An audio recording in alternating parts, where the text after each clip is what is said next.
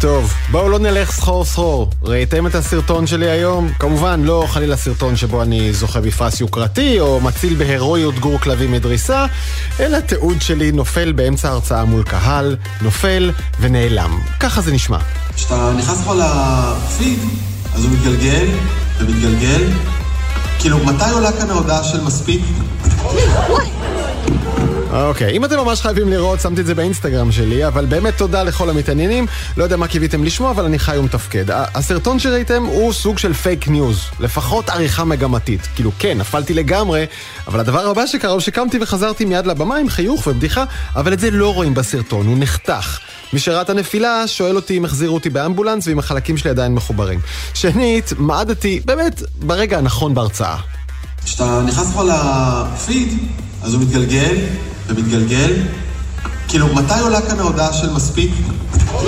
אז דיברתי מול קהילת מעצבות על המניפולציות והנזקים שהרשתות החברתיות גורמות לנו, וטיפים איך לחמוק מהם ולשמור על תשומת הלב שלנו. והסרטון הזה בדיוק מוכיח את הנקודה. הפיד, שאני בעצמי הראיתי בהרצאה שלי, הצליח לשאוב את כל תשומת הלב שלי, באותו רגע, באופן כל כך יעיל וטוטאלי, שזה נגמר בבכי. זה בדיוק מה שקורה גם בחיים של כולנו. משל. ומצד שלישי, צריך גם להודות בצד החיובי של הרשתות החברתיות. מאז שהנפילה הזו הפכה לוויראלית ברשתות, קיבלתי כל כך הרבה תשומת לב ולייקים, שאני חייב להודות, זה קצת המתיק את הכאב. טוב, enough about me. הערב בתוכנית ננסה להבין מה העתיד של עסקת מאסק טוויטר שלפתע הוקפאה, האם מאסק מחפש איך לברוח ממנה. נשמע על הצעדים שחברות הטכנולוגיה נוקטות בעקבות הירידות החדות שנרשמו בבורסה, נכיר את החברה הישראלית שמפתחת חלב אם במעבדה. שוב, מפתחת חלב אם במעבדה. וגם משרד החוץ שלנו משקיע במטאוורס. בשביל מה בדיוק? ועוד ועוד, ככל שיותיר לנו הזמן, העתיד עכשיו בגלי צה"ל, אני דרור גלוברמן, מתחילים. טוב, דיברנו עליו שבוע שעבר, אבל אין ברירה אלא לשוב אל אילון מאסק ואל עסקת טוויטר, כי מה שהוא, כמות החדשות שהוא מייצר ביום, בשעה, היא פשוט לא תיאמן לאן זה בכלל הולך, וננסה גם להבין מה באמת אחוז הבוטים והחשבונות המזויפים ברשת החברתית, ולמה זה כל כך חשוב. איתנו שניים, אושרית גן-אל, כתבת טכנולוגיה מוויינט, ערב טוב. אהלן. ואחיה שץ, מנכ"ל פייק ריפורטר, מיזם מחקר למאבק בפעילות זדונית ברשתות, שלום אחיה. שלום דרור, אני שמח שאתה בסדר אחרי הנפילה. ראית, גם אתה ראית את זה? אתה יודע. אתה יודע, כן, בימינו אנחנו חיים. אוקיי, אה, אושרית, מה עובר על אילון מאסק? האם הוא רוצה לברוח מהעסקה שהוא אה, בכזאת יומרנות צעד אליה בחודשיים האחרונים? כן, אז שבוע שעבר באמת אני ואתה דיברנו על העסקה הזאת, ואמרתי לך שמאסק הוא סוג של קלף ג'וקר ולא כל כך ברור מה הוא יעשה. אבל אני חושבת שאף אחד מאיתנו לא יכל לצפות את ההתפתחויות האחרונות והיינו ממש תמימים. רוצה להתחיל מתקציר קצר מאוד של הפרקים הקודמים? אנחנו מתחילים את סיפורנו בערך בתחילת אפריל, מאסק מודיע שהוא רכש 9% ממניות טוויטר ומשם מתחילה רכבת הרים, הוא רוצה לקנות, טוויטר לא רוצה למכור, אחר כך טוויטר מסכימה להימכר תמורת 44 מיליארד דולר ולחזור להיות פרטית. ובשבוע האחרון בעצם הוא מתחיל להגיד שהעסקה כרגע on hold והוא לא מוכן uh, להתקדם עם העסקה. עכשיו בוא נגיד, רגע, בין, יותר... בינתיים קרה משהו נורא חשוב. הבורסה התמוטטה, גם מניות טסלה, שמשם הונו הגדול בהחלט. של אילון מאסק, וגם מניות טוויטר, שתיהן נחתכו בערך באיזה 30 אחוז. כן, יש בהחלט ירידות ויכול להיות מאוד שזה משפיע על ההתפתחויות האחרונות, אבל זה לא מה שמאסק אומר. Okay. אוקיי. מאסק אומר שהוא מאוד מודאג מנושא הבוטים, החשבונות ספאם בפלטפורמה, שטוויטר בעצם טוענת שיש פחות מחמישה אחוז כאלה בפלטפורמה, והוא אומר זה לא נכון ותביאו לי הוכחות. אוקיי. Okay. זה קצת מוזר שהוא מתחיל את הוויכוח על כמה בוטים יש בטוויטר או אין, אחרי שהוא כבר סיכם וגם חתם שהוא הולך למכור, לקנות את החברה, נכון? יש אפילו קנס די רציני אם הוא לא מקיים את העסקה הזאת. יש קנס של אה, מיליארד דולר, די רציני זה נתון לדיבייט, אה, בהתחשב בעובדה שההון שלו נעמד נכון להיום ב-216 מיליארד. אושרית, חבל שאת לא איתי באולפן, מעבר לזכוכית נפערו כאן פיות של כל החיילים בקוטון, איך שאמרת מיליארד דולר, רק הקנס, כולם נפתח להם הפה. כן, זה רק הקנס. והוא עדיין, אה, אה, פתאום מצא מין תירוץ כזה, זה, זה כמו לקנות דירה, כבר לחתום על הכל, ואז להגיד, לא, שבור כאן הפינה של המזווה, אז אני לא קונה. הוא גם uh, סירב לעשות תהליך של בדיקת נאותות בעצם לפני החתימה של ההסכם, שזה mm-hmm. בכלל הופך את כל הטענות האלה כרגע לעוד יותר מוזרות, כי באמת, כמו שאתה אומר, אוקיי, למה לא בדקת קודם? Uh, ובגלל זה גם יש כאן הרבה שאלות משפטיות, האם הוא בכלל יכול לסגת מההסכם בשלב הזה. וואלה. אה, תגידי, מה, מה הטענה? אבל נניח שיש הרבה בוטים. נו, אז מה? טוויטר היא טוויטר, כולנו מכירים את טוויטר, ובטח האיש שהוא במקרה האדם עם הכי הרבה עוקבים בטוויטר, שזה אילון מאסק בעצמו, 80 ומשהו מיליון עוקבים. אתה לא יודע מה זה הסחורה שאתה כאילו חי בה גם ככה כבר שנים? לא רק זה, הוא עצמו אמר שאחת הסיבות שהוא רוצה לרכוש את הפלטפורמה זה בשביל לטפל בסוגיית הבוטים. Uh, בגלל זה באמת מרגיש כמו תירוץ. Uh, בעצם... בשבוע האחרון היה לנו אה, קרב אה, מאוד אה, קשה, גם על גבי טוויטר, הכל מתרחש בטוויטר, אה, בין מנכ"ל הפלטפורמה כרגע, פראג אגרוואל, לבין אה, מאסק, שאגרוואל ניסה באמת להסביר מה הם עושים שם אה, בשביל אה, להתמודד עם הבוטים, mm-hmm. ו... וגם אמר שהוא לא יכול להגיד, לא יכול בעצם לפרסם הכל, כי במהלך הדגימה שהם עושים בשביל להבין מה האחוז שעדיין נשאר בפלטפורמה, לוקחים בחשבון גם פרטים אישיים של משתמשים, אז הוא לא יכול לפרסם את זה. אה, ומאסק לא ממש קיבל את הטיעון הזה, הגיב לו בצורה די מזלזלת. אה, ואפילו הזמין את רשות לניירות ערך בארצות הברית לחקור את הנושא הזה. צריך להבין עד כמה זה אה, חריג, כשאייל הון, שלא לומר האיש הכי עשיר בעולם, ובאמת ממציא, אולי הממציא הכי חשוב של דורנו, רוצה לקנות חברה חשובה ומוכרת בכל העולם, והוא מתקוטט עם המנכ"ל שלה באופן פומבי, מול כולם.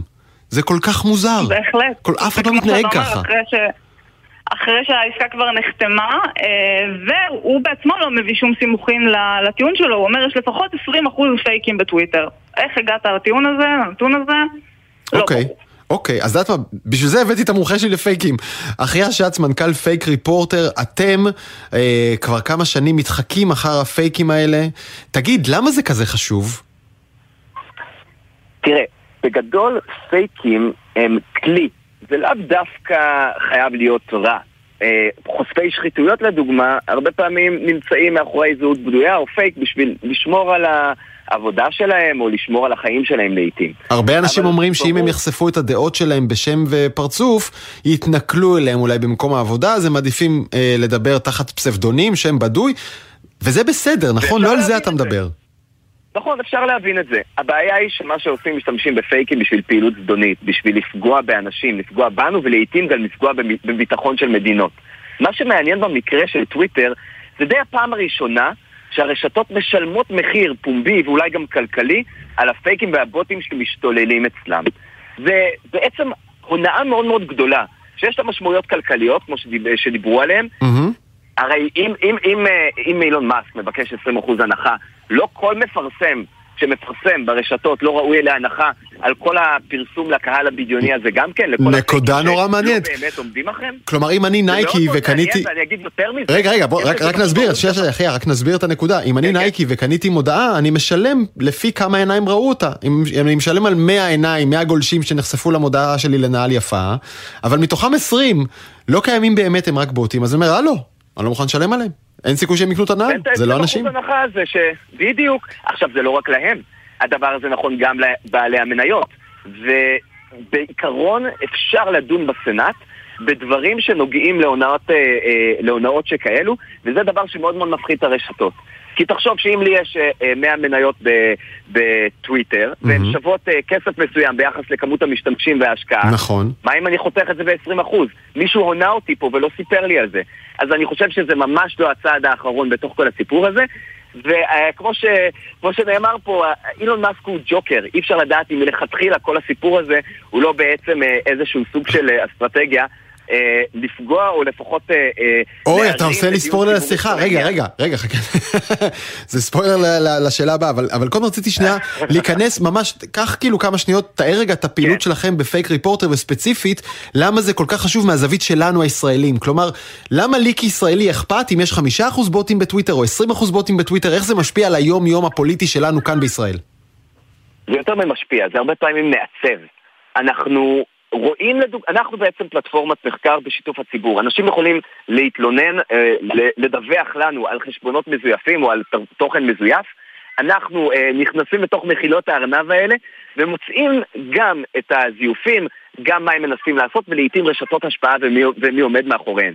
חשפנו אה, אה, רשתות אה, איראניות ורשתות אה, של חמאס ורשתות פוליטיות ורשתות אה, אה, מסחריות וכן הלאה וכן הלאה. מה המשותף לכולם? הם משתמשים ברשתות בשביל לנסות ולהשפיע על האופן שבו אנחנו חושבים על דברים. וזה לא משנה אם למכור לנו מוצר, או אפילו לנסות אה, להניע אותנו כדי שלא נאמין אה, למנגנון הדמוקרטיה הישראלית כמו שעושים האיראנים. אבל לא צריך ללכת רחוק רחוק או גדול, רק השבוע שני דברים שחשפנו. אחד, שר הביטחון מקריא בישיבת סיעה הודעה אנונימית שהיא לא אמינה ולא ברור מה המקור שלה ומבסס עליה את משנתו על עתידה של ישראל מבחינה דמוגרפית. זה ששר הביטחון מקריא הודעה שהיא ככל הנראה שקרית ובטוח הוא לא יודע מאיפה היא בישיבת סיעה ומבסס עליה את התורה שלו, מסביר כמה קל להשפיע על התודעה שלנו. ובוא נגיד ש... ש... שבוא נגיד שטוויטר בעניין הזה היא צינור קל להחדיר כאלה אינפורמציות, כי בניגוד לפייסבוק היא לא מגבילה בכלל בוטים. אתה יכול לפתוח כמה חשבונות שאתה רוצה, להתחזות לכמה אנשים שאתה רוצה, אה, וככה קל בתור איראני, בתור חיזבאללה, נכון. בתור מי שלא יהיה, להידחף לתוך המערכת הפוליטית פה, להתחזות לישראלי ולנסות להשפיע. זה חצי נכון, גם טוויטר בעיקרון היא נגד בוטים. אה, בוטים נגד כולם, אה, בוטים זה כמובן user שבעצם מחשב מפעיל אותו ולא בן אדם, אבל... פייקים זה קצת אחרת, פייקים באמת טוויטר אה, מרשה, אבל מה שהתכוונתי להגיד פה, כמו שהתחלת, אה, כמו שאמרת בעצמך, באותה מידה את ההודעה הזאת יכול להיות שכתב אה, חשבון איראני, ואנחנו כבר ראינו חשבונות איראנים שמצליחים להגיע לדמויות פוליטיות מאוד מאוד מרכזיות ולהשפיע עליהן. אז זה ששר הביטחון לא מבין את העניין הזה, מסביר כמה אה, האוריינות הדיגיטלית שלנו פגומה, אבל גם מראה לנו כמה קל באמצעות אה, חשבונות מזויפים בוטים וכדומה, להשפיע על התודעה שלנו ולעצב את השיח הציבורי בישראל. יפה, וזאת הסיבה, ובעולם, זאת הסיבה לא הכלכלית, הערכית, למה יש, אה, אה, למה ראוי להילחם. בדיוק, עכשיו אני שואל אותך, באמת, בשלוף, תחושת אצבע, כמה בוטים יש בטוויטר, 5% או 20%? אה, הרבה יותר קרוב ל-25%, אין לי ספק בזה בכלל, אני קצת אה, מופתע שהם בכלל מנסים אפילו להכחיש את זה. וגם אוקיי. אגב... רגע, רגע, רגע, ועוד שאלה, עוד שאלה. אחי, עוד שאלה אליך, האם לדעתך אפשר באמת להכחיד אותם, כמו שמאסק מצהיר שהוא, עוד הצהיר שהוא רוצה לעשות, לבקש תעודת זהות מכל גלשי העולם, זה יעזור כדי להילחם בבוטים? קודם כל זה יפחית, אין שאלה. אה, זה יפחית בהחלט. אוקיי. אה, יש כל מיני דרכים לעשות את זה, יש אה, ספרים שלמים על הדבר הזה. אפשר להפחית את כמות הפעילות המזויפת או הבוטית. השאלה אם באמת מישהו רוצה מהצד השני, וזה חוזר לעניין של להראות צמיחה, להראות גדילה, להראות שיש למי לפרסם. אה, כי יותר בוטים זה עדיין נראה כמו יותר משתמשים, אז הערך שלך גדל. מי יודע שזה בוטים או לא בוטים. אוקיי, שאלה אחרונה לשניכם. רגע, אני רק רוצה להגיד, כן? הדבר השני שהוא מאוד מאוד רלוונטי בדבר הזה, זה שבסופו של דבר, של מי האינטרס? והאינטרס הזה הוא שלנו האזרחים, ולכן אנחנו כאזרחים צריכים לדרוש את זה. בין פייסבוק יכולים או לא יכולים, אני בטוח שיש להם מספיק כסף להשקיע ולייצר מרחב רשת בטוח ואמין יותר. וגם טוויטר. על זה אני חותם אה, יחד איתך. אושרית, אני חוזר אלייך ממש בקצרה. מה הסיכוי שכל זה פעלול ומלכתחילה אילון מאסק התכוון להציע הצעה, למשוך אותה אחורה, להאשים את טוויטר בבוטים ולגרום לה לקרוס ולהקים תחתיה משהו מתחרה? קונספירציה, כן, קונספירציה. בעצם, אה, יש שני תרחישים אה, סבירים כרגע. או שבאמת אה, העסקה הזאת בכלל לא תצא לפועל, למרות ששוב, יש כאן הרבה עניינים משפטיים שיכולים לקרות בדרך. אם זה מהצד של מס, הוא קודם כל צריך להוכיח שטוויטר באמת שיקרו. אם הוא מוכיח שהם שיקרו, גם צריך להוכיח שזה מספיק מהותי בשביל לבטל את העסקה. אמ, וגם טוויטר מהצד שלה יכולה לתבוע כדי אה, להכריח אותו באמת אה, עדיין לקנות, או כדי לקבל פיצויים. Uh-huh. וגם צריך לזכור שהוא המנכ"ל של טסלה, ויכול להיות שהוא סביר אפילו שהוא רוצה לרכוש עוד חברות בעתיד. אה, מה זה עושה למוניטין שלו אם הוא פתאום נסוג אה, מעסקה כזאת? למרות שכולם יודעים שהוא אילון מאסק והוא כזה ג'וקר וכולי, בכל זאת. Uh-huh. והתרחיש השני זה שכל הדבר הזה עכשיו זה סוג של משא ומתן בשביל לנסות ולהגיע הוא יוריד אותם, זה, ימצאו משהו באמצע, אוקיי. אה, גם ספציפית הנושא של המניה שהזכרת קודם שכל כך אה, ירדה, סביר מאוד להניח שזה קשור לכל הבלאגן הזה בטוויטר ולכל הציוצים שלו והוא מודע לכוח שלו ולזה שכולנו קופצים מכל ציוץ שלו וכמה זה משפיע על המניה. כן, ואיך הוא נהנה מזה, אה? ממש, ומאוד יכול להיות שכל זה באמת היה תעלול כדי uh, לנסות להוריד את שווי המניה, לנסות uh, לדחוק אותם לקיר. ו- ולקנות בזול יותר. אוקיי. ואם ו... באמת זה לא קורה בסוף, mm-hmm. יכול להיות שטוויטר עדיין תימכר למישהו אחר ועדיין במחיר זול יותר. וואו, ורק אני אגיד שהעולם מלא בקונספירציות ואופציות על מה אילון מאסק, הטוויטר, הטוויטר, הג'וקר הבלתי ננהל זה רוצה. אה, כותב לי כאן ערן גולני, אולי הוא בכלל להיכנס בסוף שותף ברשת החברתית שטראמפ הכיר, הקים, truth, שאגב, זה, הוא בדיוק צייץ, אילון מאסק צייץ שהוא מעביר את התמיכה שלו מהדמוקרטים לרפובליקנים בארצות הברית כדמוקרטים שפעם היו חמודים, ככה הוא כתב, פעם היו חמודים, עכשיו הם דיווייסיב, אה, הם מפלגנים, אז הוא עובר דירה אל הרפובליקנים, אה, לא יודע למה זה מתחבר, יש כאלה שאומרים שבסוף הוא פשוט רוצה להיות נשיא ארצות הברית. אני מאמין לכולם. בהצלחה לכולנו. בהצלחה לכולנו. אושרית גנאל מוויינט. אני אומר, קחו פופקורן, תתיישבו, כי זה עומד להמשיך ההצגה הזאת. אחיה שץ מפייק ריפורטר, תודה רבה לשניכם. תודה רבה.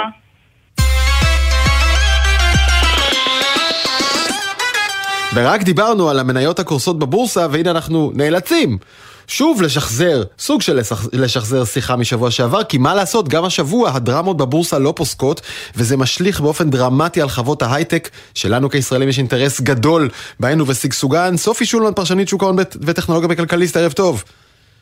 ערב טוב דרור, ונאמר, וערב טוב למאזינים. נאמר גם ערב טוב לעמרי קול, מנכ"ל ומייסד חברת התוכנה פירמיד אנליטיקס. אה, חכה איתנו עוד שנייה. ערב טוב דרור, ערב טוב סופי. ערב טוב. אה, סופי, אז אה, מה, מה קרה בשבוע האחרון לתעשיית ההייטק? המשיכה להימחץ ולהידרס ולהתפורר?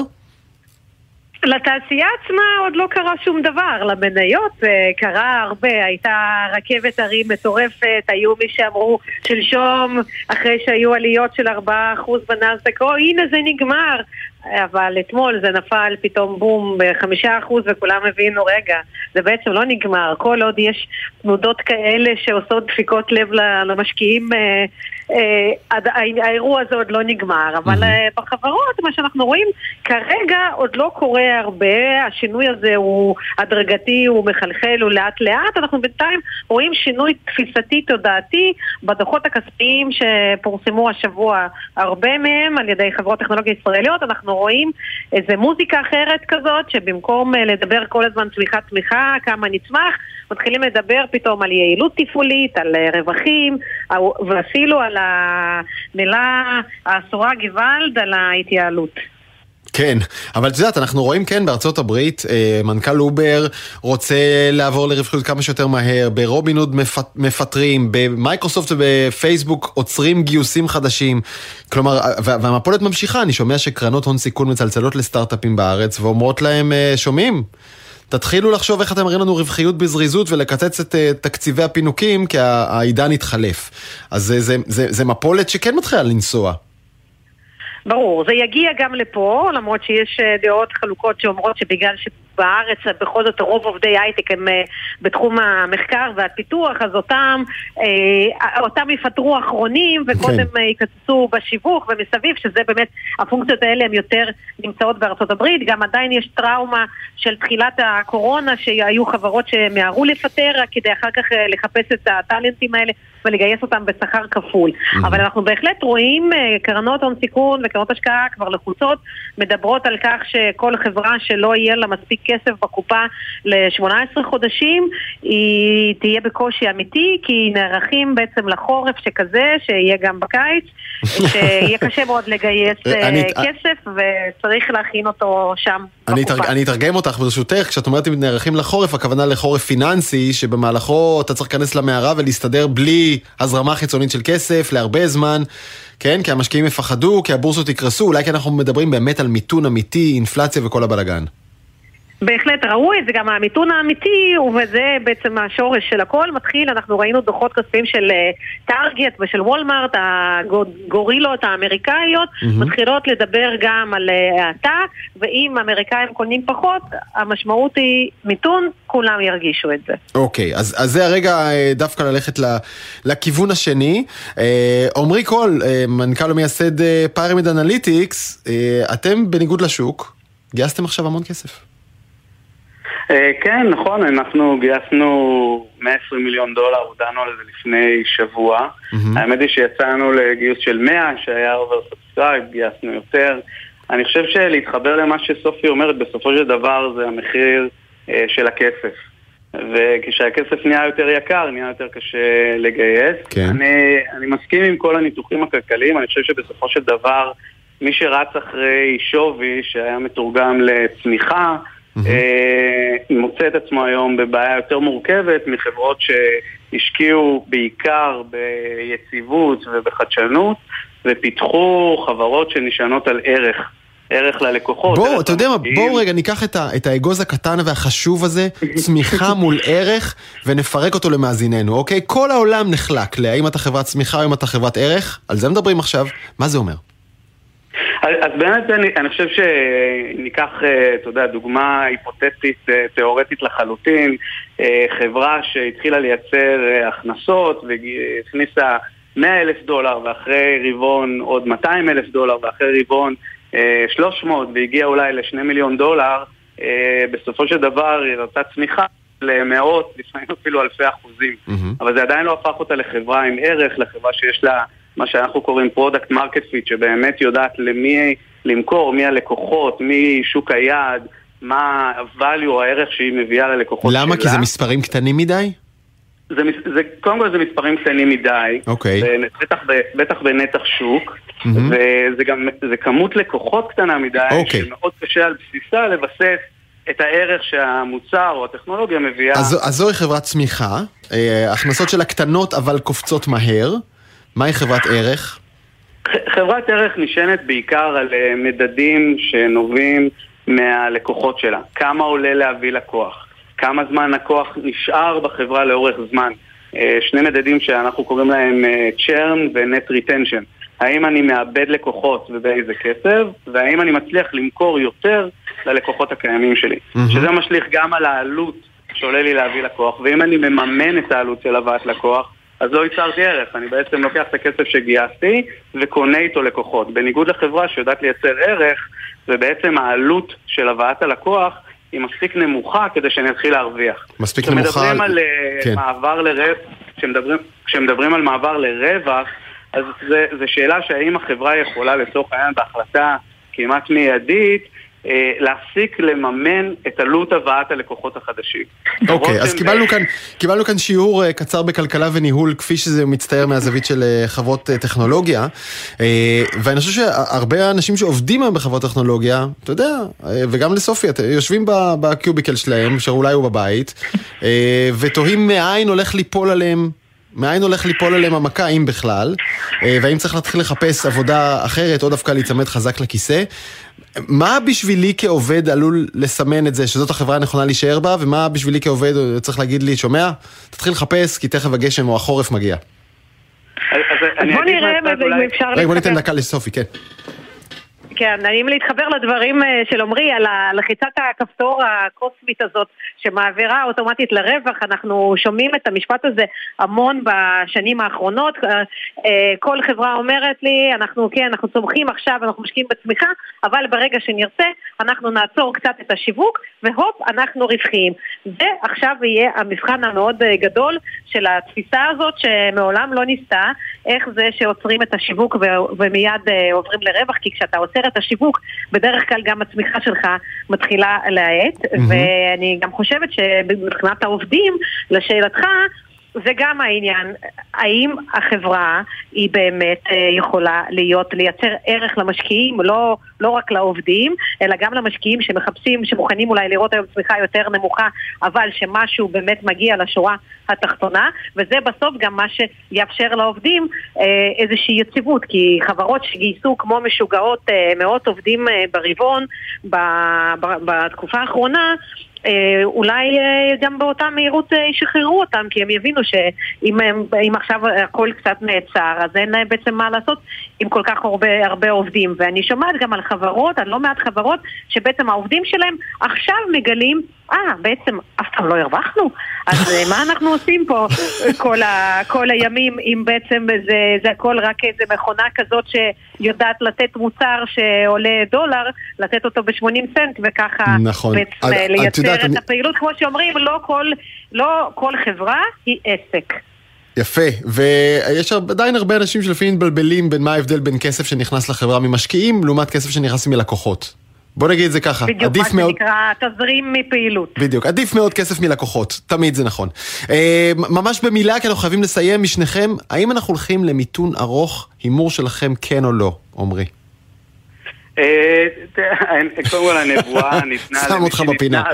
אז, אז אני לא בטוח שאני רוצה לענות על זה, אבל אתה יודע, אי אפשר גם אה, להיות אה, לחלוטין אה, פולני ולהדחיק לנצח. אני חושב שאם מסתכלים החוצה, הנתונים בטח המקרו-כלכליים מדברים בעד עצמם, ואנחנו בתוך האטה. אוקיי, סופי? האם ניכנס למשבר או מיתון זו שאלה אחרת. סופי?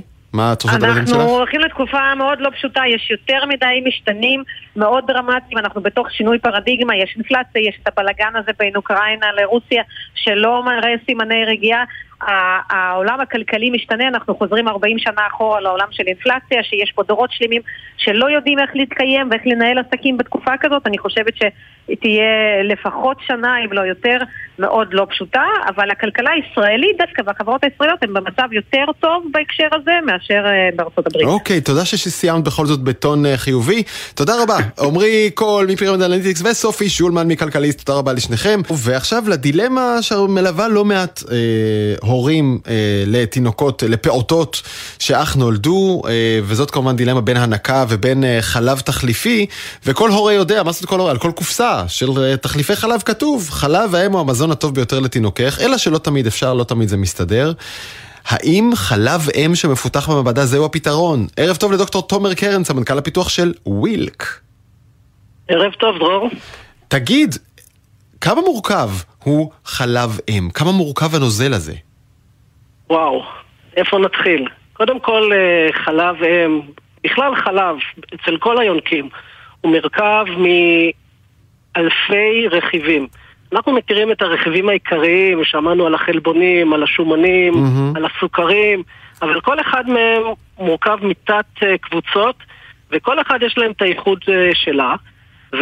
והייחוד של חלב אם זה שכמה שהוא דומה לחלב אה, פרה או לחלב ממקורות אחרים, בסופו של דבר הוא שונה והוא ייחודי להתפתחות של התינוק האנושי. וכמו שכתוב על הקופסאות, גם אנחנו תומכים בגישה הזאת. חלב אם והנקה בכלל, שיש לה יתרונות mm-hmm. לקשר בין התינוק היונק לאם, זה הדבר הטוב ביותר לתינוק ולהתפתחות שלו. אוקיי. Okay. אבל כאן נכנס המקום של החדשנות. Mm-hmm. אנחנו אה, בחברה שלנו, חברת פודטק, אה, חברת ווילק, אנחנו מפתחים חלב מתורבת. הרעיון הוא להביא בסופו של דבר ניתוק בין, במקרה של חלב רגיל, אה, מהצורך בגידול הפרות, ובמקרה של חלב אם זה אה, משהו חדשני לגמרי, משהו שלא קיים. אין, אין לנו מקור חליפי אמיתי לרכיבים שנמצאים בחלב אם. מה שנכנס היום לתמ"לים, לתחליף מזון לתינוקות, mm-hmm. מורכב בעיקרו ממקורות של אה, חלב פרה, מרכיבים שמגיעים מהצומח. ויש פה פער עצום בהרכב וברכיבים שתומכים בגדילה ובהתפתחות של התינוק. אתה יודע, אני קורא בכתבה, ש... אני קורא בכתבה שקורין דגני עשתה איתכם בדה מרקר, שאחד אה, אה, כן. האלמנטים הייחודיים כל כך בחלב אם, זה שהברזל או הסידן שמצוי בו, מגיע במכניזם כזה שמאפשר לו להיספג הכי טוב שאפשר בתינוק, גם אם זה לא כמות הברזל הכי גבוהה. נכון, אז כאן זה המקום של הרכיבים החלבוניים הייחודיים שנמצאים בחלב אם, שהם נושאים את האלמנטים האלה, את הברזל, את הסידן, מגנזיום ומתכות אה, נדירות נוספות שחיוניות להתפתחות mm-hmm. תאים בגוף. והם מביאים אותם לאפשרות ספיגה וקליטה הרבה יותר טובה מאשר אה, תוספים תזונתיים כאלה ואחרים. וואו, אז איך, איך מחקים את כל זה במעבדה? אז כאן אה, נכנס מחקר שהתחיל במשך אה, קרוב לעשור במעבדה בפקולטה לחקלאות אצל פרופסור נורית ארגוב ארגמן. Mm-hmm. ועל בסיס המחקר הזה אה, ראינו שעל ידי בידוד של תאים מבלוטת החלב ניתן לגדל אותם, ניתן לגרום להם להשתכפל, להגיע למסה מאוד גדולה, ואז להשרות עליהם את ייצור הרכיבים האלה. התהליך הזה שאני מספר בכמה מילים הוא מאוד פשוט, אבל במעבדה הוא מאוד מורכב ומצריך אה, התאמות של אה, תנאים, תנאים של טמפרטורה, של סביבת גזים שחיוניים להתפתחות התאים. כלומר, המזון שאנחנו מזינים... אתם, אתם בעצם מפתחים עטין או שד מלאכותי, תחליפי, מתורבת, משוכפל? ממש ככה, מערכת סגורה מלאכותית, אבל שמכילה את התאים האמיתיים, את אותם תאים שמייצרים את החלב.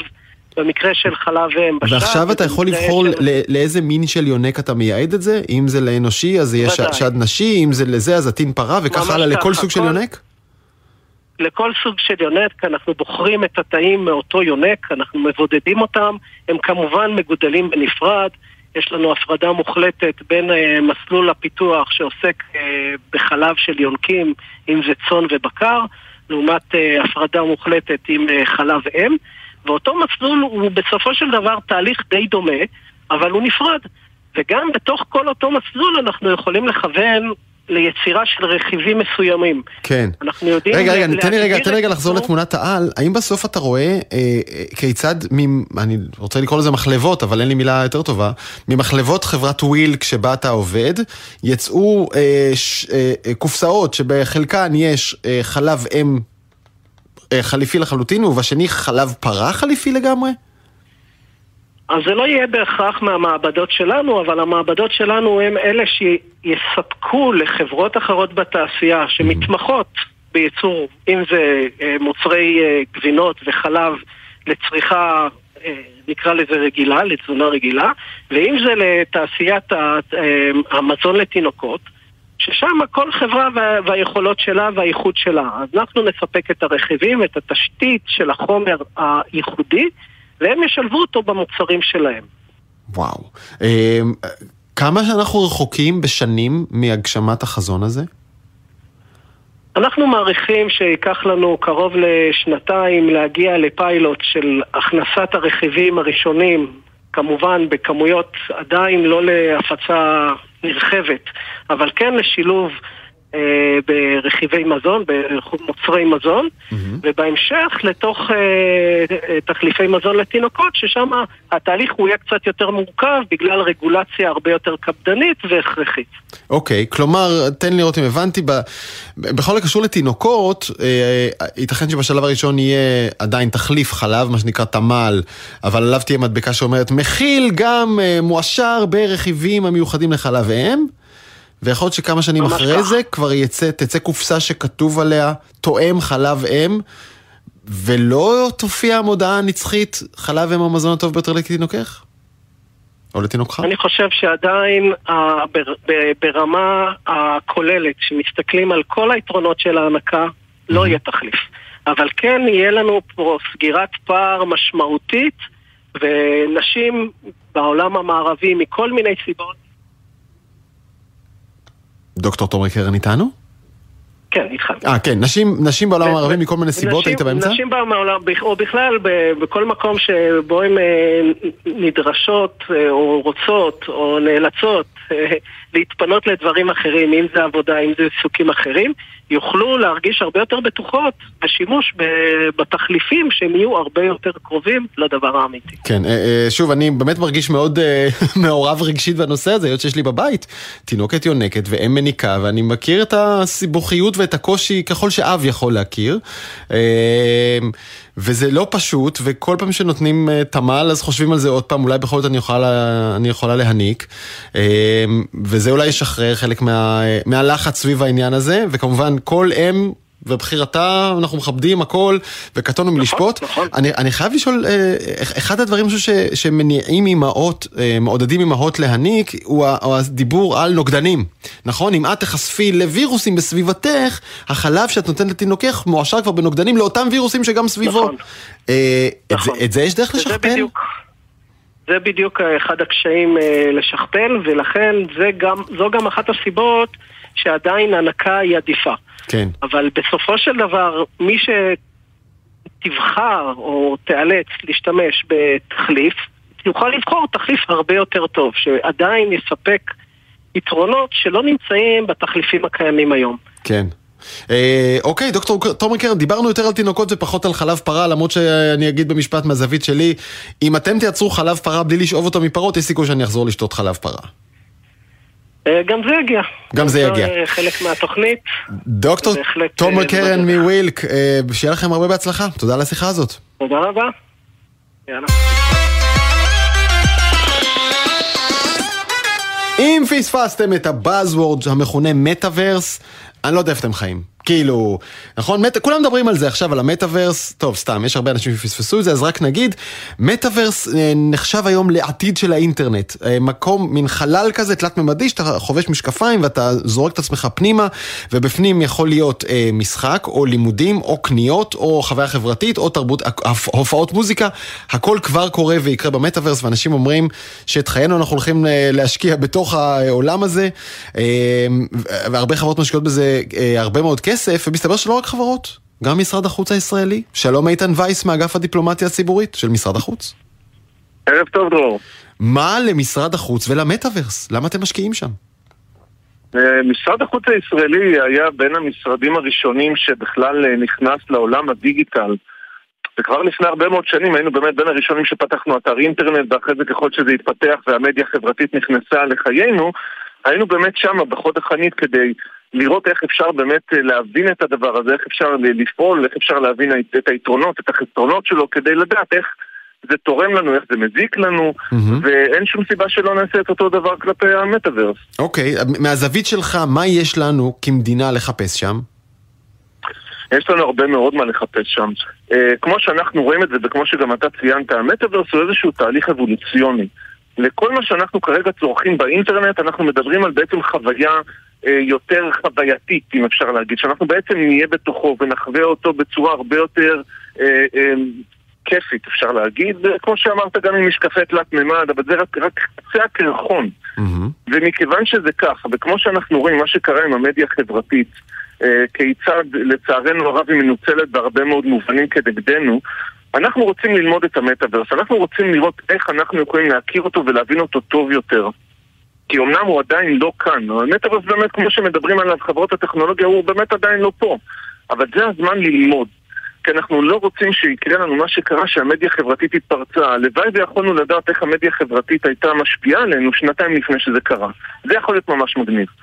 אבל פה, אנחנו רוצים כבר עכשיו להיכנס לשלבי הניסוי, להבין מה זה המטאוורס, לראות איך זה טוב לנו, אם זה רע לנו, איך אפשר להתמודד עם זה, איך אפשר להתגונן מפני זה, ובשביל זה אנחנו פה. אוקיי, okay. אז קודם כל, אה, עם, עם היעד המרכזי של הכסף, רק נדבר, אה, נזכיר, אתם מדברים על השקעה של שלושה מיליון שקלים, אם היעד כן. המרכזי הוא אה, שאתם עצמכם, אנשי משרד החוץ, תלמדו את המטאוורס וכיצד אפשר לפעול בו ומה אפשר להרוויח ממנו, נשמע כמו רעיון מעולה. כרגע בדיווח אני רואה, ואני קורא לזה בוויינט, המטרה היא ליצור חוויות ומשחקים עבור פלטפורמת מטאוורס. זה קטע שמשרד החוץ מייצר משחקים במטאוורס.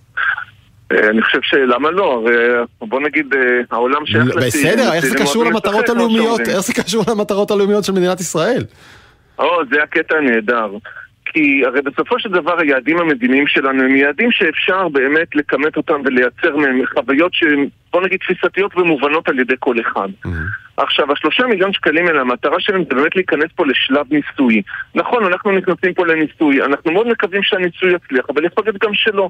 אבל אנחנו חייבים לנסות ולהתנסות כדי לדעת באמת איך אנחנו יכולים להשתמש, לא רק להשתמש חלילה לנצל, אבל להיעזר ביכולות המטאוורסיות שקיימות כיום לגלגול העתידי של המטאוורס שהוא יבוא, כדי להפיק ממנו את התועלת שלנו. הרי תראה, לצערנו אוקיי, אנחנו רואים את זה הרבה, גם בתקשורת, גם במדיה החברתית. רק כן. ברשותך.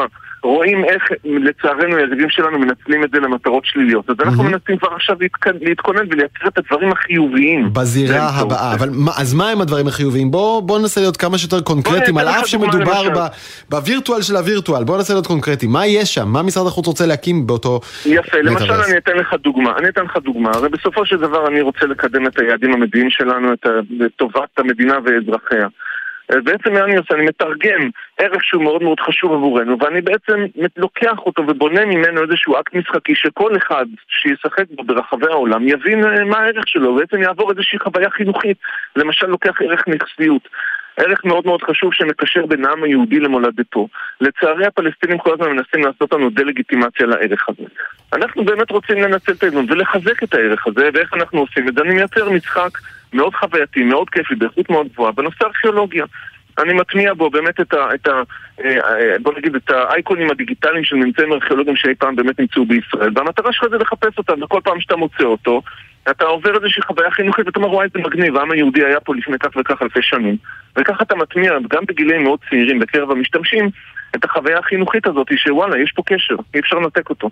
כן, אה, אז אולי לצורך כך, כדי לעזור למאזיננו לדמיין את זה, אה, הדרך הנכונה להסתכל על מטאוורס זה כמו, אתם מכירים משחקי מחשב, נכון? שאתה דמות שרצה בתוך איזה עולם וצריכה לעשות כל מיני דברים.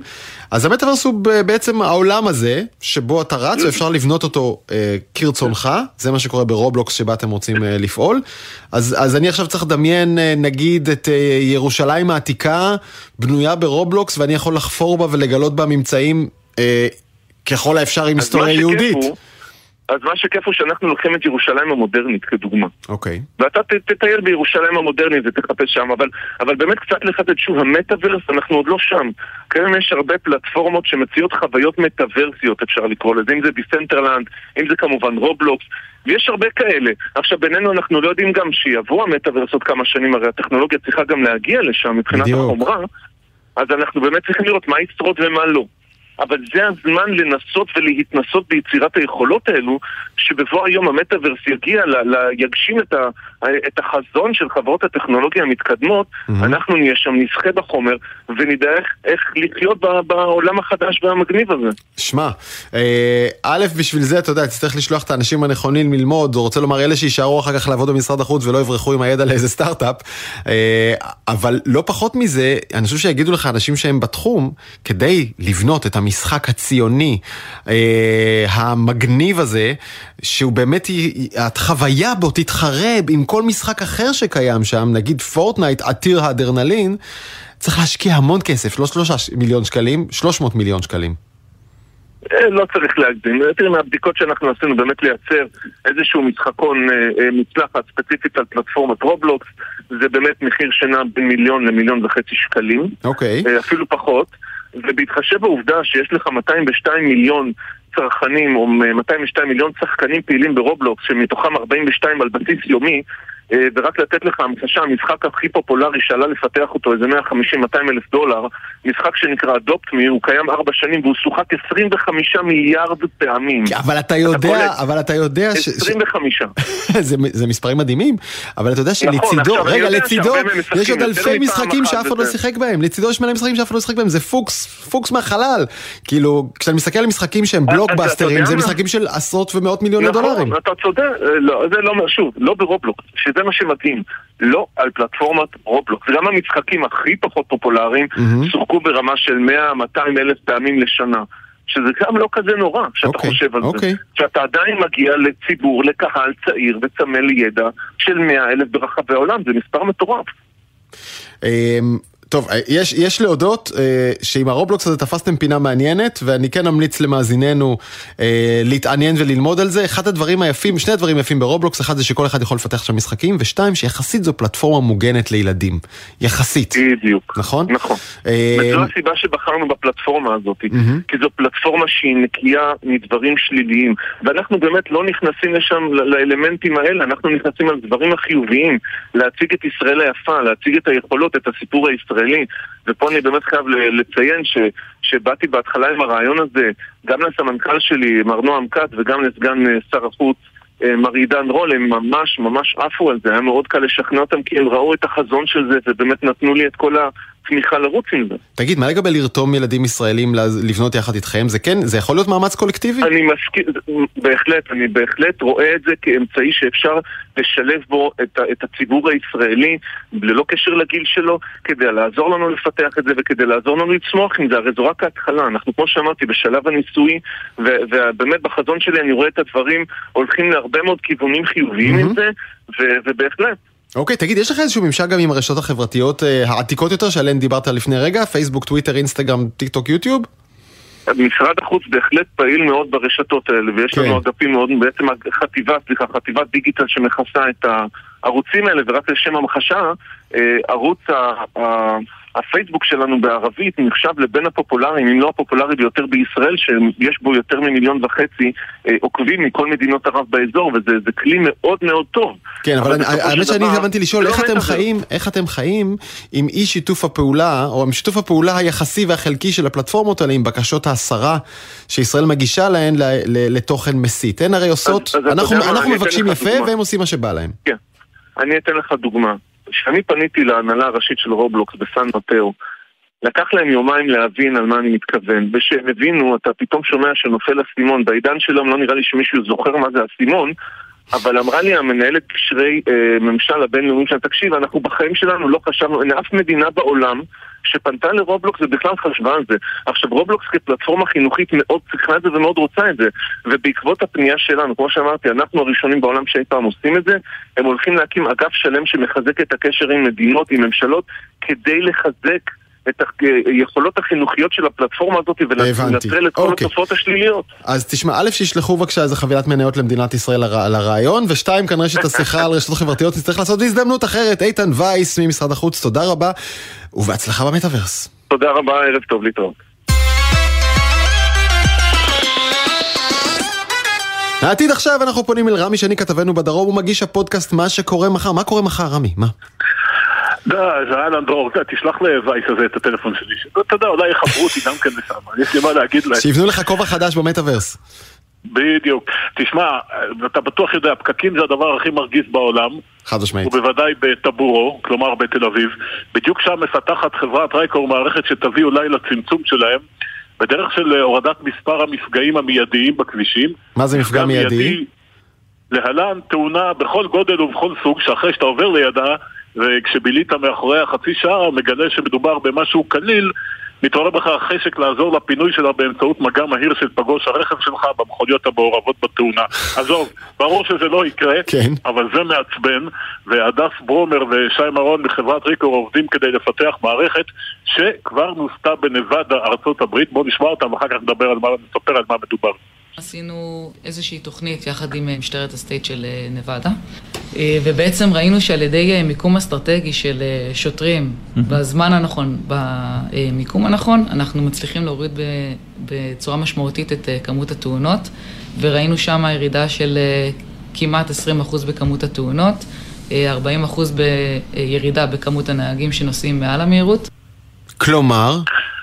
כלומר, המערכת כנראה שהיא טובה. מדובר על מערכת שמבוססת על קליטת נתונים מכל מקום אפשרי בצירי תנועה, כלומר ממכוניות, רמזורים, מצלמות, מצלמות גוף של שוטרים בצמתים, הודעות על נפגעים בנתיבים. בקיצור, בסיס נתונים שמשתנה כל פרומיל שנייה, ומנתח בפרומיל השני את התנאים שאתה צריך לקבל.